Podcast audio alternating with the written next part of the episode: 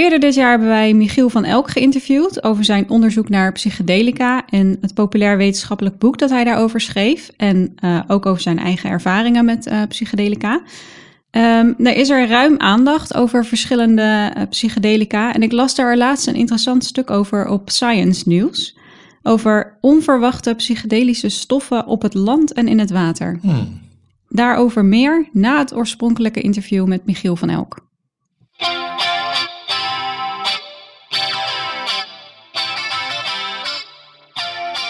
Dit is Drang naar Samenhang, een podcast over de psychologie van het begrijpen. Mijn naam is Rolf Zwaan. En ik ben Anita Eerland.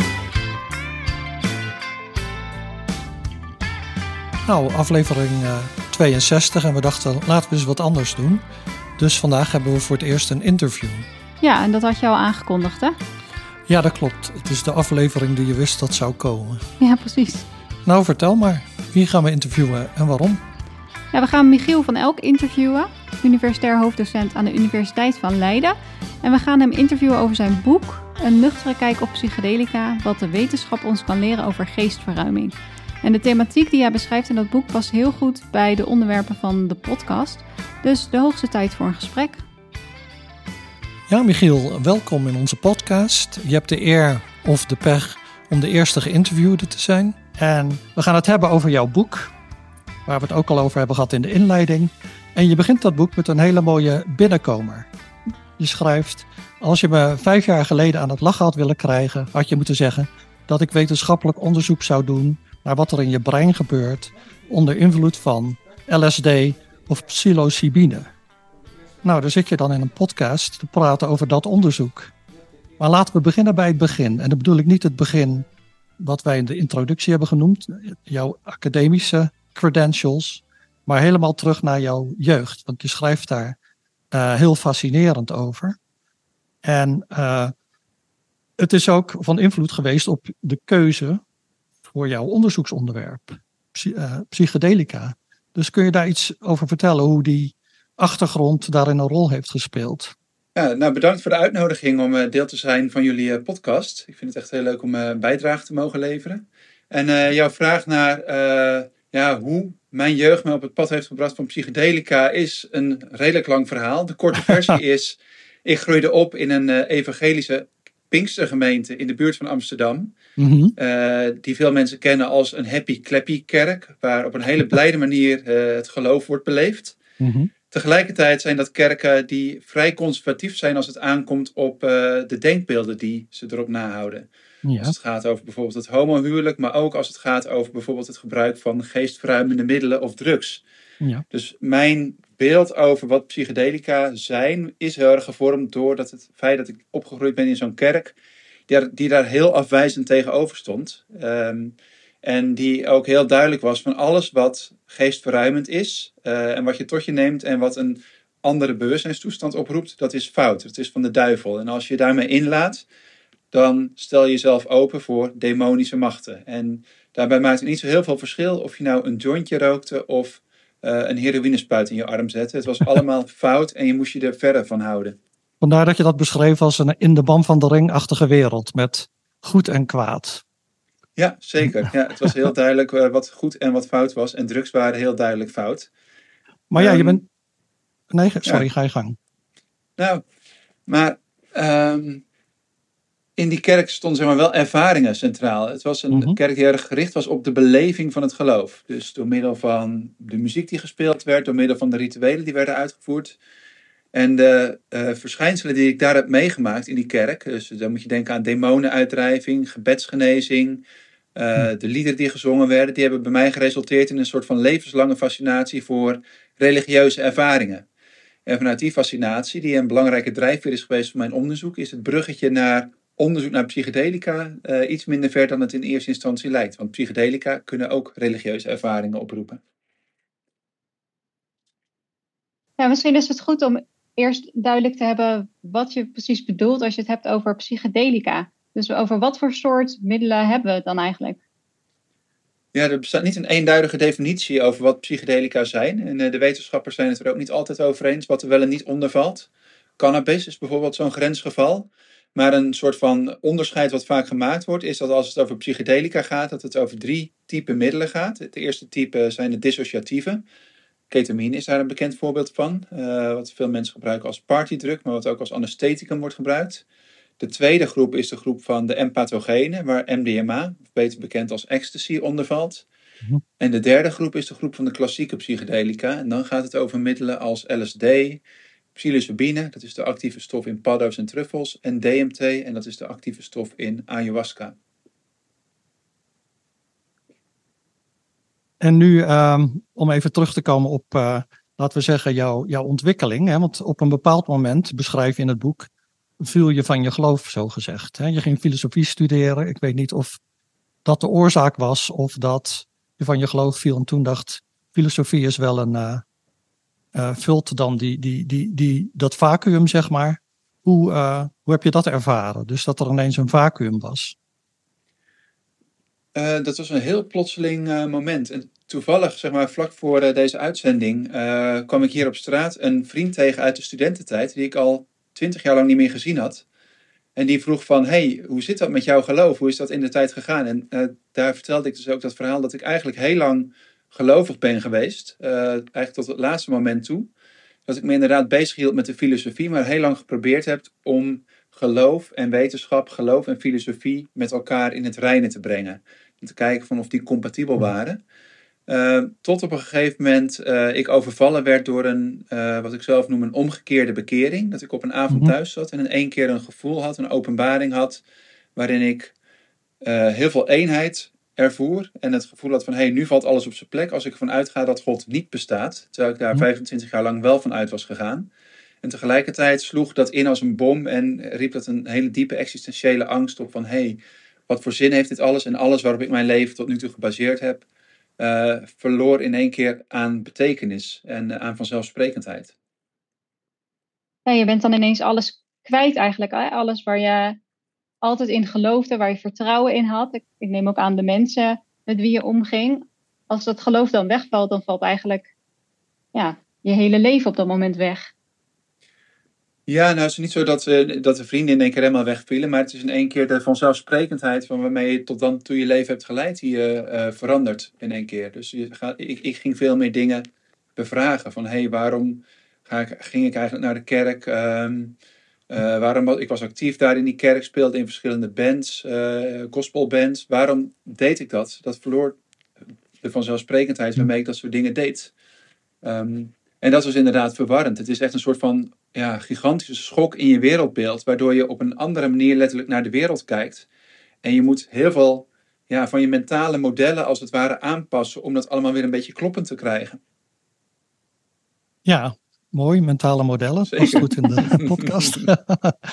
maar maar um, ja, dus het is eigenlijk een soort reset. Een computer die helemaal gereset moet worden. Nou, reset, eigenlijk een nieuwe, nieuwe setting. Je moet ineens een hele andere benadering hebben van leven in de wereld, maar ook de wereld begrijpen. En jezelf begrijpen. En uh, ja, dat is natuurlijk een enorme uitdaging. Maar terwijl jij daarmee bezig was, ging je promotieonderzoek doen. En dat was de tijd waarin ik jou leerde kennen. En ik leerde jou kennen als een extreem productieve onderzoeker. De ene paper na de andere kwam uit. Dus het leek alsof uh, de neurowetenschappen, waar jij toen, uh, en daar werk je nog steeds in, maar toen was je meer bezig met uh, menselijk handelen bijvoorbeeld. met meer, laten we zeggen, basale cognitieve processen, met taal ook. En je schrijft zelf, dat onderwerp had toch niet helemaal je hart gestolen, ook al was je er zo productief in. Klopt. Ik heb dat als een ja, hele goede leerschool ervaren om te leren hoe doe je wetenschappelijk onderzoek, welke methode kun je gebruiken. En ik vond het onderwerp ook zeker boeiend voor mijn promotieonderzoek, omdat het uiteindelijk ging over kennis van de wereld. Hoe werkt dat? Hoe zit dat in ons brein? welke processen spelen er een rol bij het gebruiken van die kennis? Maar zelf heb ik toch, uh, nou, zoals ik al zei, toch die fascinatie voor de ervaringskant van het mens zijn heel mhm. sterk. Mm dus werd ik toch meer getriggerd door onderzoek wat betrekking heeft op emoties, op bijzondere ervaringen, grensgevallen tussen wat normaal en abnormaal is. Een onderzoeksveld wat in de mhm. wetenschap bekend staat als altered states of consciousness, veranderde bewustzijnstoestanden. Dat waren toch de fenomenen die mij nog meer triggerden dan uh, dat uh, basale onderzoek naar hoe werkt kennis. Ja, en, en daar zie je dus heel duidelijk die, die band met ja, jouw eigen leven. Dat zie je ook overal terugkomen in het boek. En ook dat spanningsveld, waar we het straks nog wel over gaan hebben, tussen het, het hebben van bepaalde ervaringen en het uh, zijn van wetenschapper. Ja, zeker. Ja, dat is een terugkerend thema. Dat spanningsveld. Ja. ja. ja. En je hebt een tijdje in uh, Zwitserland en in de Verenigde Staten doorgebracht. En bent toen in 2013 weer teruggekomen naar Nederland. En um, toen, je, je beschreef al, ik ben geïnteresseerd in uh, het onderzoeken van ervaringen. Toen ging je onderzoek doen naar religieuze ervaringen in eerste instantie, niet direct uh, psychedelica. En eigenlijk zou je kunnen zeggen, daarmee is de cirkel dan weer mooi rond. Dat brengt je dan op een andere manier wel weer terug bij uh, religie. Was dat ja. ook een bewuste keuze om, om daar dan weer naar terug te gaan? Ja, zeker. Ja, uh, juist omdat dat datgene was wat me altijd heel erg bleef fascineren. Uh, vanuit mijn eigen zoektocht. Uh, het, het, het, loslaten van het geloof waarmee ik was opgegroeid. En het, tegelijkertijd de zoektocht naar zingeving. Maar ook de bredere vraag van hoe kan het dat mensen geloven en blijven geloven in religie. En hoe kan het dat sommige mensen daarmee stoppen. Op basis van bepaalde ervaringen of bepaalde inzichten. en ik vond dat, dat zeg maar een heel interessante vraag om me op te gaan richten. Van wat zijn nou de uh, factoren die bijdragen aan dat sommige mensen vasthouden aan religieus geloof en dat andere mensen ermee stoppen. En uh, we hebben geprobeerd om daar wat meer systematisch onderzoek naar te doen om zicht te krijgen op welke factoren daarbij een rol spelen. Um, daarnaast waren er heel veel theorieën over waar religie vandaan komt, hoe religie werkt in het brein, et cetera. Maar er was eigenlijk maar heel weinig echt empirisch onderzoek om uit te zoeken of die theorieën nou klopten.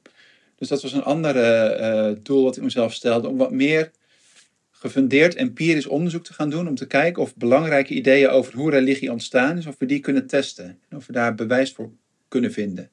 Maar goed, dat bleek nog best wel lastig, omdat religie ja. iets, iets is wat zich heel moeilijk laat manipuleren en laat onderzoeken.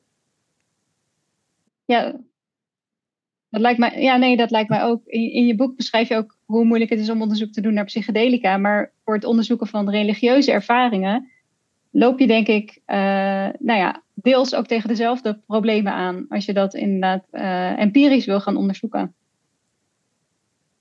Ja, bijvoorbeeld het onderzoek dat jij voorheen deed, uh, naar laten we zeggen taal en, en handelen.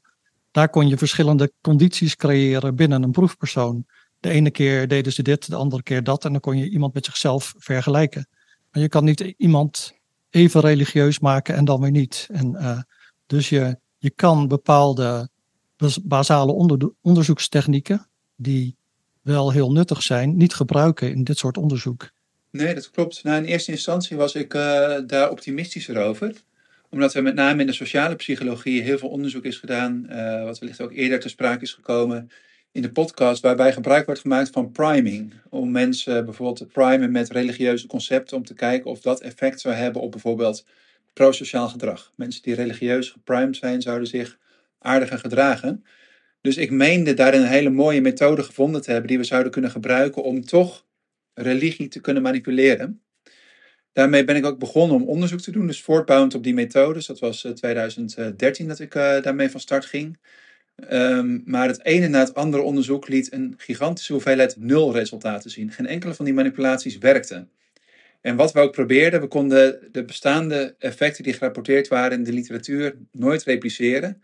En dat leidde bij mij tot een heel groot wantrouwen ten, aanzien van dat soort onderzoek en dat type bevindingen. Want het blijkt inderdaad verdraaid lastig om mensen in het lab iets religieuzer of iets minder religieus te maken. Dat is iets wat mensen over hun leven lang ontwikkeld hebben en wat, wat je niet zo makkelijk de een of de andere kant op kan duwen. Mm Nee, dat, dat, dat, is, dat is zeker waar. En uh, ja, ik heb in mijn blog ook heel veel over priming geschreven natuurlijk. En dat veel van die manipulaties niet werken. Ik snap wel waar ze vandaan komen. Precies van wat ik eerder zei. Je wil eigenlijk iets binnen een proefpersoon kunnen manipuleren. En met priming, dus uh, je laat mensen een tekstje, een religieus tekstje lezen of iets anders. Zou je ze dan tijdelijk religieuzer kunnen maken of niet? Is dan het idee. En in theorie zou je dan een mooie manipulatie hebben, maar het is gewoon, het weegt niet op tegen de ja, wat jij zei, de, de levenservaring die mensen hebben als religieus persoon of niet religieus persoon. Ja, inderdaad. En uh, gaat denk ik uit van een heel simplistisch idee van wat religie is. Als je dat op zo'n manier zo makkelijk zou kunnen manipuleren. Ja, klopt. Dat ja. is ook waar, ja. ja. Het gaat helemaal voorbij aan de complexiteit. En het uh, alternatief wat je natuurlijk uh, kan gebruiken om wel onderzoek te doen, is uh, wat we kennen als cross-sectioneel onderzoek. Waarin je een grote groep mensen vraagt of ze religieus zijn. En dat ga je correleren aan allerlei andere variabelen. Om te kijken wat de factoren zijn die met religie of religieus zijn samenhangen. maar daar kun je natuurlijk nooit causaliteit uit concluderen. Alhoewel wel bijvoorbeeld een van de dingen die het meest opvalt als je dan kijkt naar het onderzoek naar religie. En dat is misschien een open deur, maar wel iets wat een hele sterke voorspellende waarde heeft, is dat de religiositeit van de ouders een heel grote voorspellende waarde heeft of de kinderen religieus zullen zijn. En dan niet eens zozeer of de ouders geloven in God, maar met name of ze het in hun gedrag laten zien. Dus of ze naar de kerk gaan of naar de moskee, of ze regelmatig bidden, bepaalde kleding dragen, zich aan voorschriften houden van hun religie. Als dat soort gedragsmatige indicatoren van religie bij de ouders aanwezig zijn, is de kans vrij groot dat het geloof ook overgedragen wordt op het kind. En als die minder sterk aanwezig zijn, is dat effect minder groot. Dus eigenlijk de significante en de grote voorspeller van of mensen wel of niet geloven in God. Dus daar speelt, spelen dan rituelen een belangrijke rol in. Zeker, ja. Rituelen, socialisatie, uh, leren. Ja. Uh, door te kijken naar wat anderen doen. Ja, en, en daardoor voel je dan, je dan ook verbonden met die anderen. Ja. En dan is het misschien ook moeilijker om dat los te laten. Ja, inderdaad. Zou ik me voor, voor kunnen stellen. Ja. Hey, en nu, uh, nou ja, nu was je dus van taal en handelen overgestapt op religieuze ervaringen. En uh, nu lijkt het een grote stap om te gaan van God naar paddo's. Maar zoals jij het beschrijft, is het eigenlijk een logische uh, ontwikkeling. Je hebt het daar al, eerder over gehad. Um, op een gegeven moment werd uh, de psychedelische ervaring jouw onderzoeksonderwerp. Ja, dat is een geleidelijk proces geweest. En zoals je al uh, eerder zei, van de eerste zin uit mijn boek begint met uh, de observatie van vijf jaar geleden was het nog een ver van mijn bedshow. Ja. Dus wat is er in de tussentijd gebeurd? Uh, mijn fascinatie is een beetje aangewakkerd uh, op basis van een persoonlijke ervaring die ik heb gehad met het middel ayahuasca. Wat ja, inmiddels wijd bekend is vanwege de ayahuasca-retretes in Zuid-Amerika, waar veel mensen naartoe gaan. die worden ook in Nederland georganiseerd, in het underground circuit. En veel mensen die, die thee, dat drankje drinken onder begeleiding van een shamaan, hebben een heel sterke geestverruimende ervaring. Ik heb dat zelf op een moment gedaan in mijn leven dat ik uh, een beetje weer op zoek was naar betekenis. Ik ging door een persoonlijke crisis um, en dacht van nou misschien kan ik daar wel wat uithalen.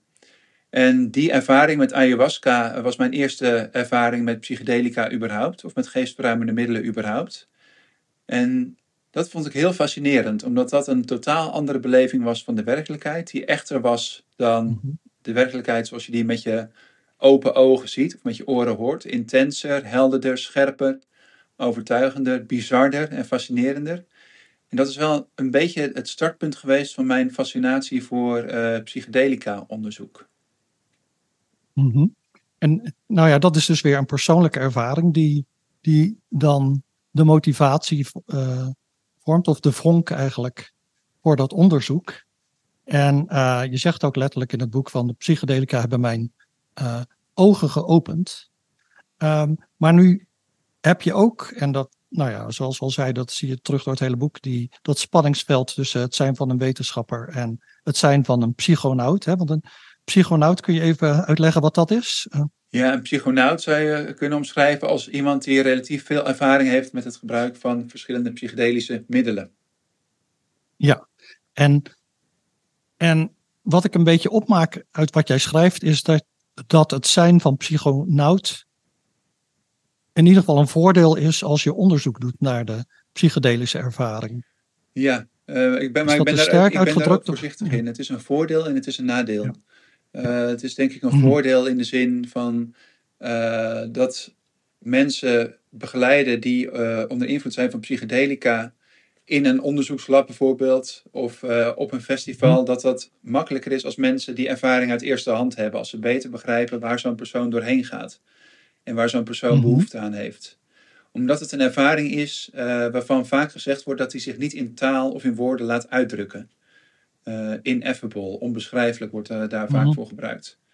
Dus je kan er nog zoveel over gelezen hebben, maar om echt te snappen wat het is, moet je het hebben meegemaakt. Dus dat is denk ik een belangrijk argument voor ervaring met psychedelica. Als je daar onderzoek naar doet. Maar een belangrijk bezwaar is natuurlijk dat het je bevooroordeeld kan maken bij het doen van onderzoek.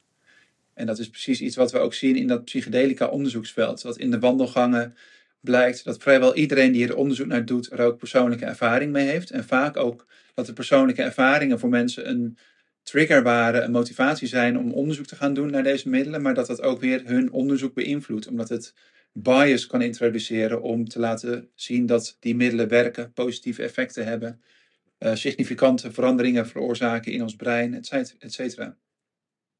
Het zou natuurlijk ook andersom kunnen zijn. Dat als je die ervaring niet hebt, heb je waarschijnlijk ook wel een, een oordeel over psychedelica.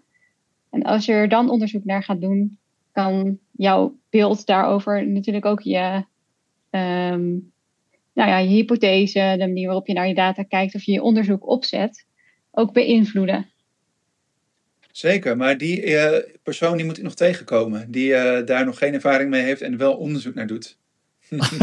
ja, ik denk ook inderdaad dat het vaak zo is dat je een fascinatie hebt voor een bepaald onderwerp. En dan is het heel mooi als je de, de ruimte krijgt om daar ook onderzoek naar te gaan doen.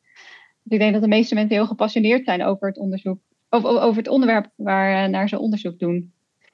Ja, zeker. Ja, en het is, ik heb eerlijk gezegd ook nog nooit iemand meegemaakt die uh, onderzoek doet naar denken en zelf niet denkt. dus je, ik bedoel, je hebt dat eigenlijk wel heel vaak. Um, maar wat ik interessant vond, was dat jij in deze context uh, een gedachte-experiment gebruikte van uh, Mary de kleurenwetenschapper. Kun je uitleggen hoe dat relevant is met betrekking tot uh, deze materie? Ja, dat is het bekende gedachte-experiment van Mary de kleurenwetenschapster, die opgesloten zit in een kelder waarin alles zwart-wit is. Dus haar hele omgeving waarin ze al haar hele leven zit, is zwart-wit.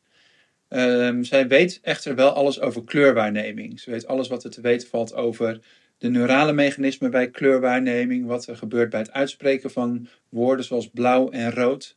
Uh, maar ze heeft zelf dus nog nooit kleur gezien, ook al weet ze alles over kleurwaarneming. En de vraag die in het gedachte-experiment centraal staat, is de vraag als Mary nou uit haar zwart-wit kamer zou komen en ze zou voor het eerst kleuren zien met haar eigen ogen, zou ze dan verbaasd zijn over wat het is om kleuren waar te nemen? Of zou ze zeggen, nee, dit was inderdaad precies wat ik voorspeld had op basis van mijn kennis over wat kleurwaarneming is?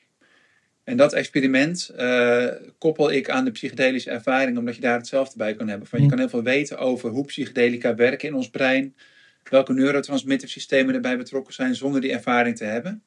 Maar toch zullen heel veel mensen geneigd zijn om te zeggen, maar die ervaring zelf hebben is iets anders. Omdat je dan toch subjectieve eerste persoonservaring hebt die anders is dan kennis hebben over die ervaring. Hmm. En jouw eigen positie is dan, uh, hè, want het, dus Mary, de kleurenwetenschapster, is eigenlijk dus de niet bestaande psychedelica onderzoek, onderzoeker die zelf geen psychedelica gebruikt. Ja, inderdaad. En, uh, en jij zegt, maar jij zegt, uh, er zijn voor- en nadelen van het gebruik van psychedelica en dat onderzoek doen. En een nadeel is die bias. Dus Mary zou die bias dan niet hebben, maar misschien dus wel de, de bias waar Anita het over had. Van, uh, hè, als, je het niet, uh, als je het niet gebruikt, dan, dan ga je denken van het helpt niet of het is slecht voor je. Dus dat zou ook een bias kunnen ja, zijn. En inderdaad. En, in, Theoretisch. en tegen die tweede bias kun je jezelf natuurlijk goed beschermen als onderzoeker. Dus uh, als je er bewust van bent dat Ja. het die uh, bias kan veroorzaken bij hoe je naar de data kijkt, dan kun je jezelf daarvoor uh, indekken door bijvoorbeeld uh, gebruik te Ja. maken van pre-registratie van je hypothese of je analyseplan. Alles Ja. wat we deze dagen kennen als open science practices. Ja. Heel mooi dat je dat nog even weet. en, um, en je zou ook kunnen denken aan een soort adversarial collaboration. Dus waar een psychedelica voorstander zeg maar, en tegenstander samen een onderzoek definiëren en dat uitvoeren. Ja, zeker. Um, ja, dus even kijken waar we nu zijn in ons verhaal. Dus we hebben uh, ja, we zijn nu aangeland bij psychedelica en het brein. En Anita, je hebt al gevraagd volgens mij, wat zijn psychedelica eigenlijk? Ja, dat leek me wel handig, omdat we het daar zoveel over hebben, dat we een beetje een idee hebben van over wat voor soort uh, middelen hebben we het nu eigenlijk. Kun je iets vertellen over waarom mensen uh, dit gebruiken? Mensen gebruiken psychedelica om heel veel uiteenlopende redenen. Uh, er zijn heel veel mensen die het doen vanwege uh, psychologische aandoeningen of mentale aandoeningen. Dus dan moet je denken aan depressie, verslaving, angststoornis, posttraumatische stressstoornis. En dat zijn zowel mensen die dat in therapeutische context gebruiken als in een ceremoniële context, bij een retraitecentrum of door zelf naar de smartshop te gaan en truffels te kopen. Dus mentale problemen is een belangrijke motivatie. fysieke problemen is een tweede belangrijke groep van motivaties. Dus mensen die kampen met allerlei fysieke aandoeningen. Dus bijvoorbeeld clusterhoofdpijn is een bekende. Of mensen die veel last hebben van de menopauze. Maar ook allerlei andere aandoeningen zoals diabetes type 2. Er zijn veel mensen die daar ook baat bij lijken te hebben. Dus de tweede grote groep is, zijn fysieke aandoeningen, fysieke klachten. En de derde grote motivatie voor mensen om psychedelica te gebruiken is wat je zou kunnen omschrijven als uh, algeheel welbevinden en spirituele verdieping en het zoeken van betekenis in het leven. En ik denk dat dat eigenlijk de grootste cluster is van waarom mensen met psychedelica gaan experimenteren. Dus het prototypische voorbeeld van uh, mensen die naar uh, dure retrettencentra gaan in Zuid-Amerika of luxe retrettencentra in Nederland, is de 40-plusser die een midlife crisis heeft en die gaat proberen om opnieuw betekenis te vinden in het leven en het leven over een andere boeg te gooien door te zoeken naar een psychedelische ervaring. En, en ik zat ook te denken aan, en jij noemt ze ook in je boek, de Beatles. Die waren toen nog geen veertigers, maar begin twintig of halverwege de twintig of zo. Toen ze, nou ja, dus ook psychedelica gingen gebruiken. Ik geloof met name LSD. En nu, je zag hun muziek veranderen. Ja, niet dat ik het toen live heb meegemaakt, maar als je zo terugkijkt, is er toch wel een groot verschil tussen She Loves You en I Am the Walrus bijvoorbeeld. En um, kun jij nu, dit is uh, een vraag waarop je misschien geen antwoord weet hoor, maar zou jij sporen van psychedelica kunnen vinden in die muzikale ontwikkeling?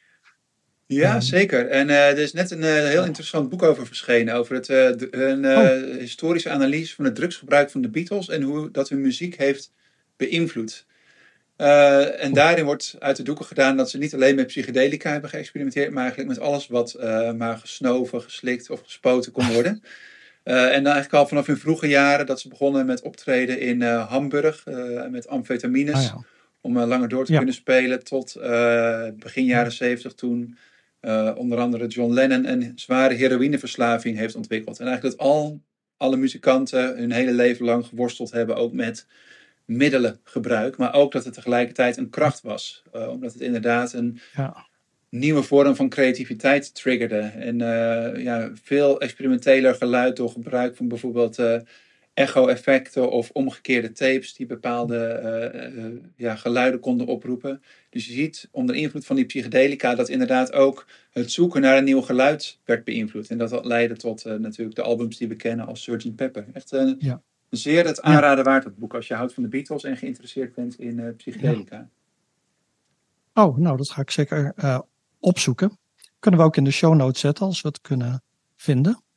Ja, lijkt me een goed idee. Sowieso heb je in je boek zelf ook ontzettend veel tips voor uh, andere boeken en films. voor als mensen meer willen weten over allerlei verschillende aspecten van psychedelica. Daar moet ik eigenlijk ook nog een keertje goed naar kijken. Ja, als je uh, muziektips wil, ik heb een uh, Spotify playlist die uh, publiek toegankelijk is. Die heet een nuchtere kijk playlist. Die is gewoon op Spotify te vinden, waarin mijn favoriete tripmuziek bij elkaar staat. Ah. Oh, dat lijkt oh, ook interessant. Ja. Die zetten we ook in de show notes. Ja, leuk. Ik leuk. dacht dat je ging zeggen, die zetten we even op. Ja. nou, ik eerst even wat paddo's. nee, um, um, nou hebben we dus, uh, ja, het gaat over de spanning tussen de wetenschapper en de psychonaut. En wat jij uh, beschrijft in het boek en waar wij natuurlijk met deze podcast ook mee bezig zijn, is hoe begrijpen mensen de wereld om hen heen? En wat jij zegt is, je ervaart de werkelijkheid heel anders tijdens een psychedelische ervaring dan dan anders. En je vraagt je ook af, is die ervaring echter? Of is die niet echter? Ja, dat klopt. En uh, dat, dat maakt ook dat ik die psychedelica zo boeiend vind. Dus los van alle therapeutische en klinische toepassingen. Uh, wat mij het meest boeit aan psychedelica is juist uh, die intensiteit en die echtheid van de ervaring. Dus veel mensen die dat gebruikt hebben, die zeggen wat ik nu heb meegemaakt, heeft mij ervan overtuigd dat wat wij zien niet de echte werkelijkheid is, maar dat er een, iets is wat er achter deze werkelijkheid ligt, wat nog veel echter is. Een dimensie die, die we bewustzijn kunnen noemen of die we God kunnen noemen. En dat vind ik met name fascinerend, omdat die, overtuig, of omdat die ervaring dus zo overtuigend is dat dat heel veel mensen aan het uh, wankelen brengt in hun wereldbeeld. Dus hardcore atheïsten die worden wat meer New Age-achtig, wat spiritueler, die gaan geloven in paranormale verschijnselen.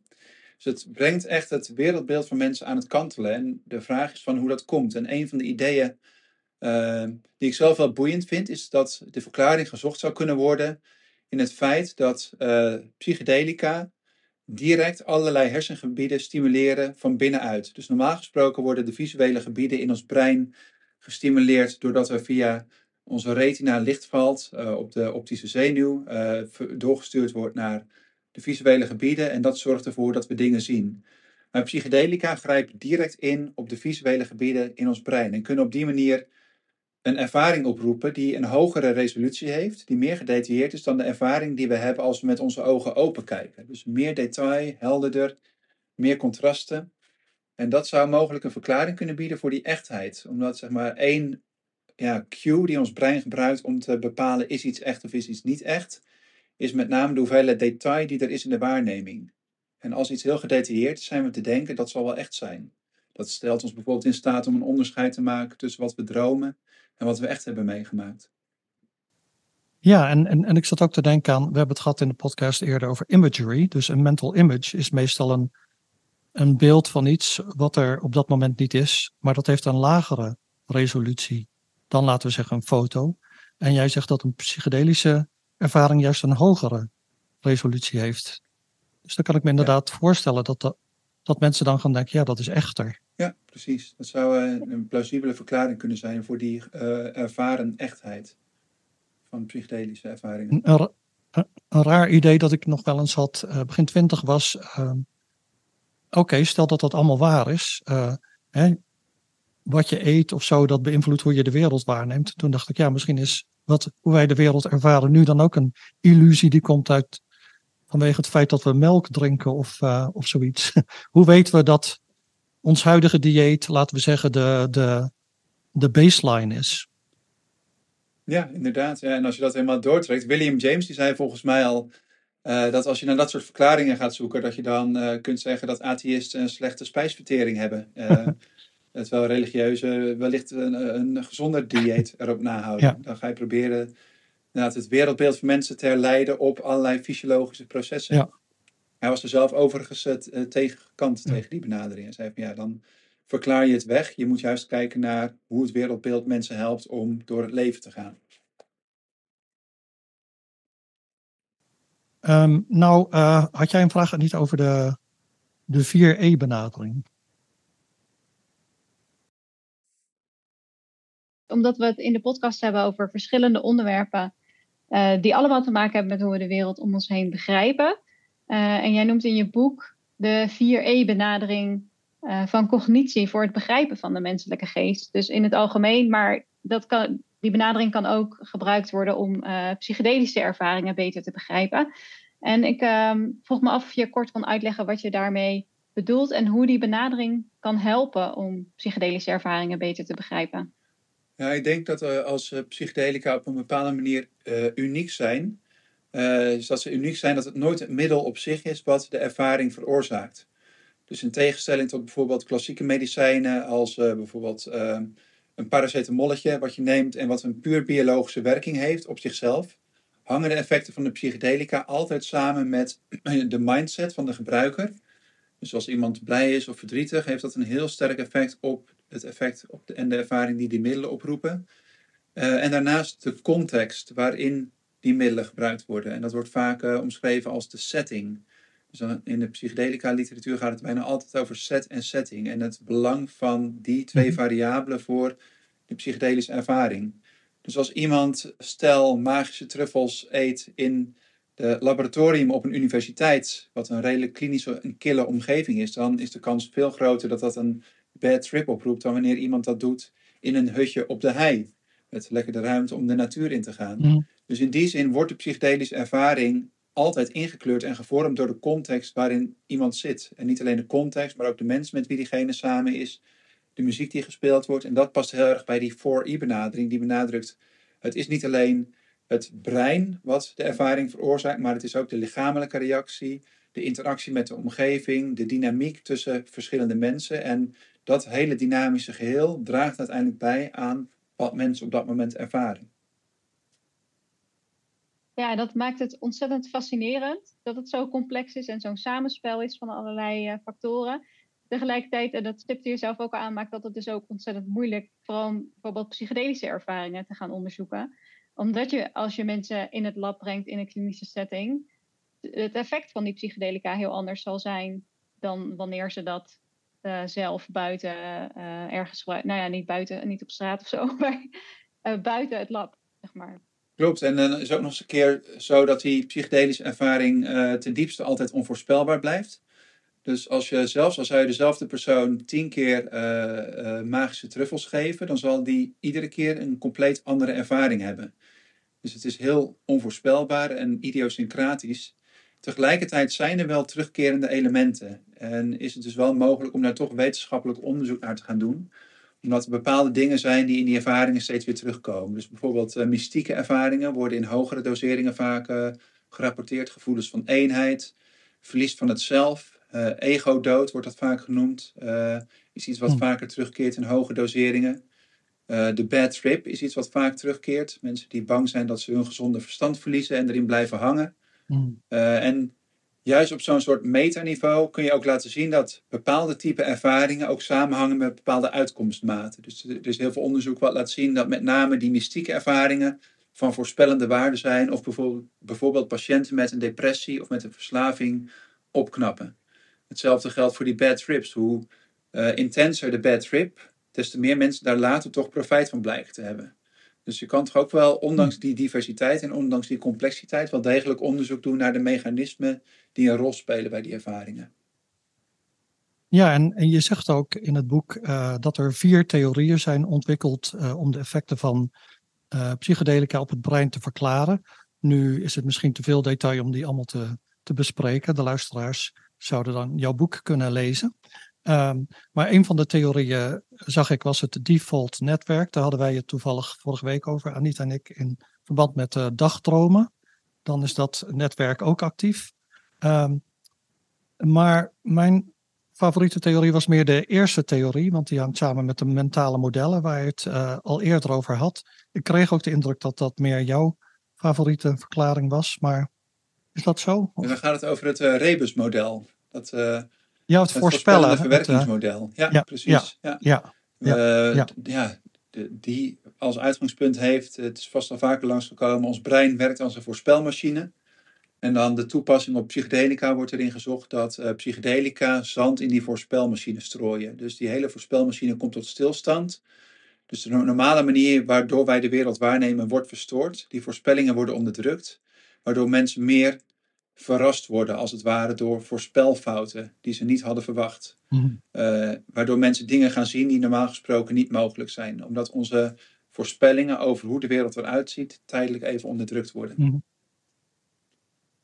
ja, dat, dat klinkt mij heel plausibel in de oren. En je had dan een voorbeeld over padvinders, kan ik me herinneren, in het, uh, Ja, misschien is een uh, voorbeeld om het nog duidelijker uit te werken. Het voorbeeld van uh, bewegende of ademende muren. Dat is een verschijnsel wat heel veel mensen oh. ervaren onder invloed van psychedelica.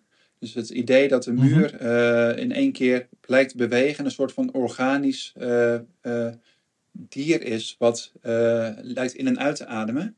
Dat wordt vanuit dat voorspellende verwerkingsmodel verklaard, vanuit het onderdrukken van onze voorspellingen over hoe de wereld eruit ziet. Want normaal gesproken wordt onze waarneming van de muur beperkt doordat we weten dat de muur vast is en solide en dat hij niet kan ja. bewegen. Maar psychedelica onderdrukken die high-level prior, zoals het genoemd wordt. En dat zorgt ervoor dat onze mm -hmm. waarneming niet langer meer beperkt is, maar dat schaduwen die over de muur vallen in één keer de illusie kunnen oproepen dat de muur beweegt en een levend organisme is. Ah ja. Het is eigenlijk alsof de- jouw kennis van de wereld en bijvoorbeeld de schema's en scripts die je eh, hanteert, dat die wegvallen. Ja, precies. Dus dat die niet meer, ehm, niet meer corrigeren wat, je, wat de, de sensatie, eh, of weet het, de sensorische input is. Ze beperken niet meer wat de sensorische input is, eh, inderdaad. Eh, en dat is zeg maar in dit geval toegepast op een heel bazaal fenomeen als het waarnemen van een muur of het waarnemen van een vloer. Maar dat wordt natuurlijk ook Mhm. toegepast op de waarneming van onszelf. Eh, wie ben ik? Wat is mijn lichaam? Wat is het verhaal wat ik over mezelf vertel? En een van de ideeën over hoe psychedelica werken is dat ze ook inderdaad die hele hogere orde opvattingen eh, over wie wij zijn tijdelijk even onderdrukken. Waardoor mensen ruimte krijgen om op een andere manier bijvoorbeeld naar zichzelf te kijken. En, en is dat dan ook het eh, idee van de ego-dood? Is dat een extreme vorm daarvan? Ja, dat zou je kunnen zien als een extreme revisie van het model van onszelf. Waarin je eh, dus het zelf, compleet afwezigheid van het zelf ervaart. Ja, nu had je het al eh, over ruimte, de muur, en je had het over het lichaam. En je zegt dat tijdens een psychedelische ervaring ook de beleving van tijd anders is. Ja, zeker. De tijdswaarneming lijkt extreem eh, uitgerekt vaak onder invloed van psychedelica. Dus een minuut kan een uur lijken. Een paar seconden kunnen eh, eh, een paar minuten lijken. En dat heeft ook weer te maken met het onderdrukken van voorspellingen. Zeg maar, de voorspellingen over hoe lang een tijdsinterval is, die worden ook onderdrukt. Waardoor er meer verwarring optreedt over hoeveel tijd nou precies Ja. is verstreken. En dat kan heel boeiend zijn, bijvoorbeeld bij het luisteren naar muziek, waarin bepaalde eh, sequenties in één keer heel erg lang uitgesponnen lijken te zijn. Het kan ook heel vervelend zijn als mensen een bad trip hebben die eindeloos lijkt te duren en mensen blijven hangen in die ervaring en er lijkt geen einde aan te komen. Ja, dat lijkt me Ja, heel ja. beangstigend. Voor mij ook. Ja. En over angst gesproken, hè, eh, je hebt je boek deels geschreven om die eh, angst eh, voor psychedelica weg te nemen. Ja, door mensen te informeren over eh, eh, jouw eigen ervaringen. Ehm, en toch is het niet zo dat je in je boek ervoor pleit dat we allemaal eh, aan de psychedelica zouden moeten gaan. Ehm, wat is je advies wel? Ehm, nou, ik, ik ben sowieso vrij nuchter, denk ik, als het aankomt op psychedelica. Dus vandaar ook de titel van het boek, Een nuchtere kijk. Want je ziet nu heel veel hype omtrent psychedelica. Dat die middelen goed zouden zijn voor de behandeling van van alles en nog wat. Zouden leiden tot een betere wereld. Eh, in het boek laat ik zien dat daar gewoon te weinig bewijs voor is. We weten simpelweg nog niet of deze middelen werken voor de behandeling van depressie, voor wie ze precies werken en of ze veilig kunnen worden toegepast. Dus het is helaas nog veel te vroeg om daar ook maar iets zinnigs over te zeggen. En helaas moeten ik en mijn collega's ook heel veel mensen teleurstellen die op zoek zijn naar psychedelische therapie. We krijgen regelmatig e-mailtjes van wanhopige patiënten of familieleden van waar kan ik terecht voor psychedelische therapie. Die therapie die is momenteel nog niet beschikbaar. Alleen in het kader van klinisch onderzoek kun je als je heel veel geluk hebt en je voldoet aan heel veel voorwaarden meedoen aan zo'n klinische trial. Ehm, tegelijkertijd ben ik wel optimistisch over ehm, zeg maar, hoe psychedelica mogelijk hun weg kunnen vinden in de maatschappij. En dan maak ik een eh, parallel als het eh, die eh, te vergelijken is met de opkomst van cannabis. Wat ook een middel is wat lange tijd is geassocieerd met een counterculture, een beetje in het eh, eh, linkse hoekje werd gezet, maar wat inmiddels helemaal mainstream is geworden, eh, als gezondheidsproduct wordt gezien. En je kan tegenwoordig bijna geen winkelstraat inlopen of je komt een cannabiswinkel tegen. Het zou heel goed kunnen dat psychedelica een soortzelfde traject zal afleggen in de komende jaren. Als zeg maar, de wetenschap laat zien dat die middelen inderdaad kunnen bijdragen aan welzijn van mensen. Dat mensen zich gelukkiger voelen, meer verbonden voelen, et cetera. Uh, maar dan nog denk ik niet dat ze op heel grote schaal gebruikt gaan worden. Als je goed kijkt naar hoeveel mensen nou daadwerkelijk psychedelica gebruiken, dat zijn er echt heel weinig. Dat is in uh, Nederland in de orde van de 2 tot 3 procent van de mensen die daar ooit ervaring mee heeft gehad in hun leven. En ondanks de hype uh, wijzen alle cijfers erop, ook de recente cijfers van de Trimbos, van de Nationale Drugsmonitor, uh, dat dat niet in de lift zit, maar dat het al jarenlang redelijk stabiel is, dat gebruik van uh, geestverruimende middelen. Nu, nu, zag ik ook wel in jouw boek dat uh, zo'n retraite is ook niet goedkoop. Dus het is ook niet voor iedereen weggelegd financieel om in ieder geval naar zo'n retraite te gaan. Hè? Nee, ja, je kan ze in alle categorieën vinden. Uiteenlopend van uh, retraites die een paar honderd euro vragen. Tot luxe resorts die inderdaad in de duizenden euro's vragen om uh, deel te nemen aan zo'n retraite. Mhm. En, en, nu om helemaal terug te uh, gaan naar het begin van de Pinkstergemeente. Aan het eind van, van jouw boek zeg je ook iets over de toekomst met een religieuze tint. Je zegt namelijk, ik droom er wel eens van om mijn eigen psychedelische kerk te beginnen. Ja, dat was een zin met een uh, knipoog. Ja, ja, ja, ja, snap ik. Een grote knipoog. ja, dat, dat zou inderdaad niet goed passen bij uh, hoe je verder de psychedelica beschrijft in jouw boek. En ja, ik denk dat we heel veel hebben geleerd over het onderwerp. En de, de luisteraars kunnen natuurlijk jouw boek lezen om nog meer te weten te komen. Maar is er nog iets dat jij zo wil delen op de valreep? Nee, ik denk dat we al heel veel besproken hebben. En zoals gezegd, ik ben dus zelf vrij kritisch over die therapeutische toepassingen vanwege alle haken en ogen die eraan zitten. Morgen verschijnt er in de Groene Amsterdammer ook een essay wat ik hierover geschreven heb. En samen met Eiko Fried, dat is een psycholoog die hier aan de Universiteit van Leiden werkt ook, werken we aan een paper waarin we deze zorgen over de methodologie van het onderzoek uiteenzetten. Waar we de preprint deze week van beschikbaar zullen maken. En Oh, mooi. Dat kunnen we ook mooi in de show notes dan ja. ja. Beide ja. stukken. Ja, precies. Ja, dat vind ik Oké. zeker delen. Nou, ja. Giel, heel hartelijk uh, dank voor dit interview en heel veel succes uh, met je verder onderzoek naar deze materie. We, we hopen, uh, nou, we blijven het volgen. Wellicht is er nog een andere mogelijkheid om jou in deze podcast te hebben. Ja, wie weet. Ja, superleuk dat jullie hiermee bezig zijn. En nogmaals, dank voor de uitnodiging. En hopelijk kunnen jullie er wat moois van maken.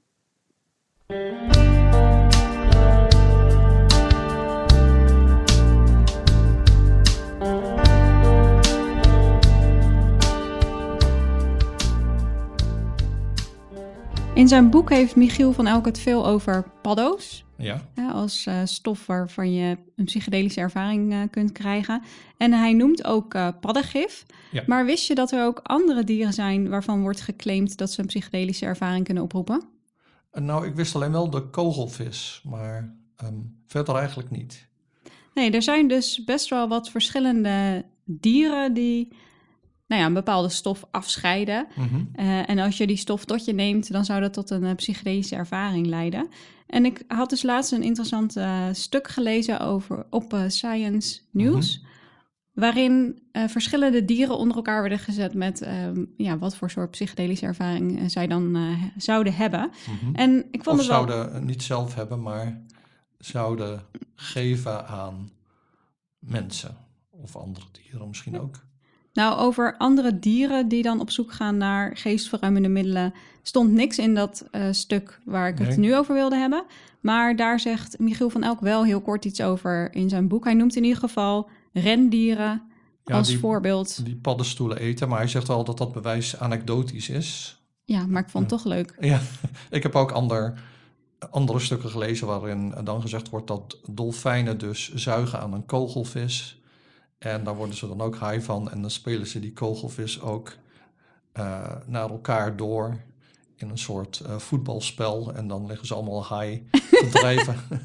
Dat zou ik best wel willen zien eigenlijk. ja, Het is toch grappig dat dat dus bij dieren ook zo voorkomt. Dat ze Ja. daar naar op zoek gaan. Of dat ze dat kennelijk een prettige ervaring vinden. En dan, ja, dan is het Dat- toch wel een, een vrij bazaal proces, zou je zeggen. ja. Ja. Oké, maar over dieren die dat soort dingen doen, daar ging dat stuk dus niet over. Dat stuk ging over dieren die, nou ja, een bepaalde stof eh, Afscheiden. afscheiden of eh, op een andere manier ehm, iets e- eigenschappen hebben die bij mensen het kunnen leiden tot psychedelische ervaringen. Of niet Mhm. eigenschappen hebben, maar inderdaad een stof Ja. ehm, hebben. En nou ja, eerder zei ik al de pad. Eh, Ja. Dat is natuurlijk een heel bekend voorbeeld. Hè? Dat je dan mm, dat de, de huid van een pad een bepaalde stof afscheidt. Als je dat opblikt, dan zou je daar pad psychedelische. afgaan. Ja, nou, dat is dan nog het minst Ja. erg, denk ik. Ehm, dus dat is bekend, maar er zijn dus ook nog andere dieren. En ehm, een voorbeeld daarvan is de reuze maki-kikker. Dat is een... Wie kent eh, hem niet? Nou ja, nee, ik moest even opzoeken wat de vertaling daarvan was. Want ik, Mhm. ik wist niet hoe je dat zou vertalen in het Nederlands. Ik, ik had eerst eerlijk gezegd een beetje een onbegripje, want ehm, ik las zo wat jij had geschreven in het script en ik las eerst mafkikkers, grote mafkikkers, maar nou, dat word je ervan, denk ik. maki-kikker. Maki-kikker, ja. Ja. En het is een eh, hele eh fel gekleurde, zo gifgroene kikker. Mhm. Die voorkomt in de Amazone. En net als de pad scheidt deze kikker dus ook via de huid een stof af... die dan tot een psychedelische ervaring kan leiden. Ehm, er zijn wel wat verschillen ehm, Mhm. in de werking van de stof van die pad... die zo bekend is, en eh, de kikker. En daarom is er onder wetenschappers eigenlijk geen consensus over... of die stof van die maki-kikker nou officieel als eh, psychedelicum kan worden gezien... Maar de oorspronkelijke bewoners van de Amazone... die gebruikten die stof wel al in speciale sessies... om tot geestverruimende ervaringen te komen. Ja, ja. Dus het is wel zo dat het iets doet met de geest... maar je hebt natuurlijk altijd bepaalde criteria... waaraan een stof moet voldoen om gezien Ja. te worden als ja. eh, psychedelicum. En daar is enige twijfel over of deze stof daar dan precies in ja, want past het zou ook een soort placebo-effect kunnen zijn. Nou, dat volgens mij niet, maar Oh. het had iets te maken met een bepaald effect ehm, van serotonine. Dat bij de Mhm. pad anders was dan bij deze kikker. En eh, kennelijk is dat wel een van die eh, criteria waaraan een psychedelicum moet voldoen. Dus omdat dat anders is, weten ze, nou ja, is er onder wetenschappers geen consensus over. Maar Nee. goed, het is dus wel een dier met, eh, een mogel- met een stof die mogelijk ook tot psychedelische ervaringen lijkt. Mhm. Nu lijkt een kikker best op een pad. Maar er zijn dus ook heel andersoortige dieren die genoemd worden in dat stuk. Eh, bijvoorbeeld mieren. Er is een bepaalde mierensoort waarvan ik dus geen goede vertaling in het Nederlands kon vinden. Dus ik hou het gewoon bij mieren. Mieren die leven in het noorden van Mexico en het zuidwesten van de VS.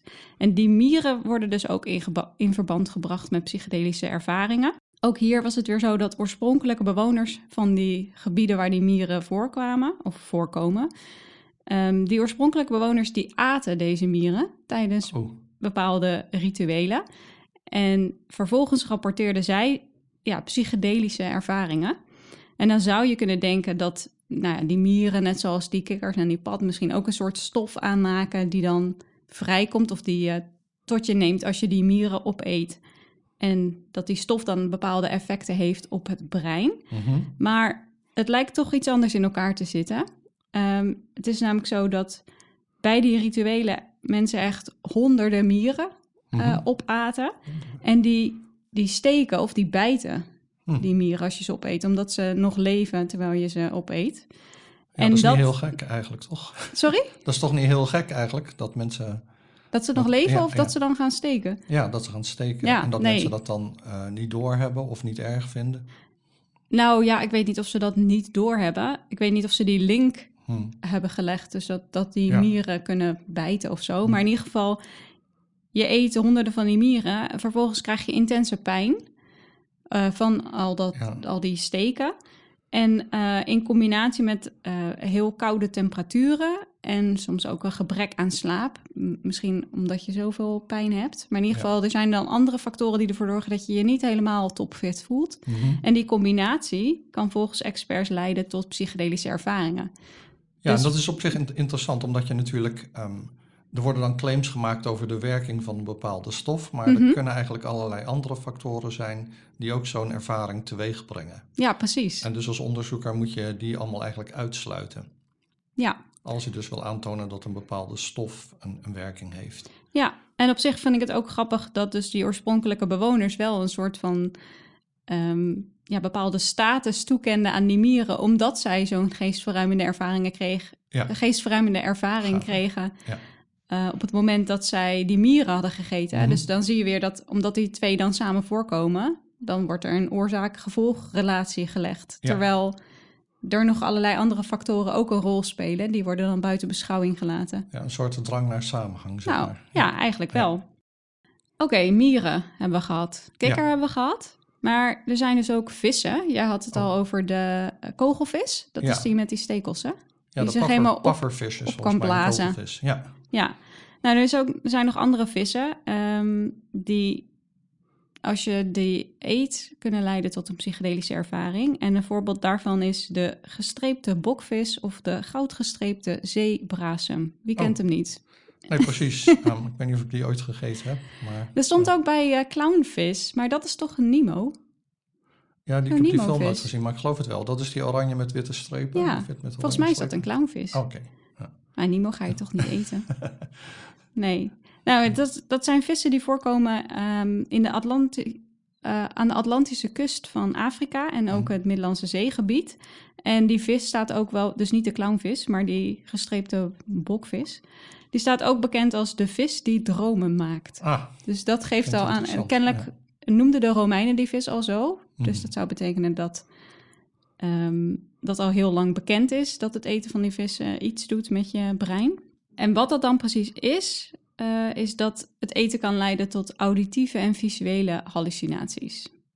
ja. Maar het is nog wel onduidelijk wat nu precies maakt Mhm. dat je door het eten van die vis die ervaringen krijgt. Dus eh, wetenschappers kunnen nog niet, zoals bij die kikker en die pad, zeggen: Oh, het is dit specifieke stofje wat die vis aanmaakt vanwege. Ja, weet ik niet. Dat, dat weten ze dus nee, nog nee, niet. oké. Maar Ja. ja. dat is dus ook wel interessant. Misschien dat daar ook wel zoiets speelt, net als bij die mieren. Het dat zou het iets ja. anders is, Ja. dat andere factoren een rol spelen. Maar is eh, wat jij nu zegt een, een lijst van tips van eh, als je een psychedelische ervaring wil hebben? eh, Ga vissen. Vang zo'n vis. Of, Nou, nee, eigenlijk niet. Maar ik Nee. vind het wel interessant dat er dus kennelijk nog andere dieren op de Ja. wereld zijn die een bepaalde stof aanmaken.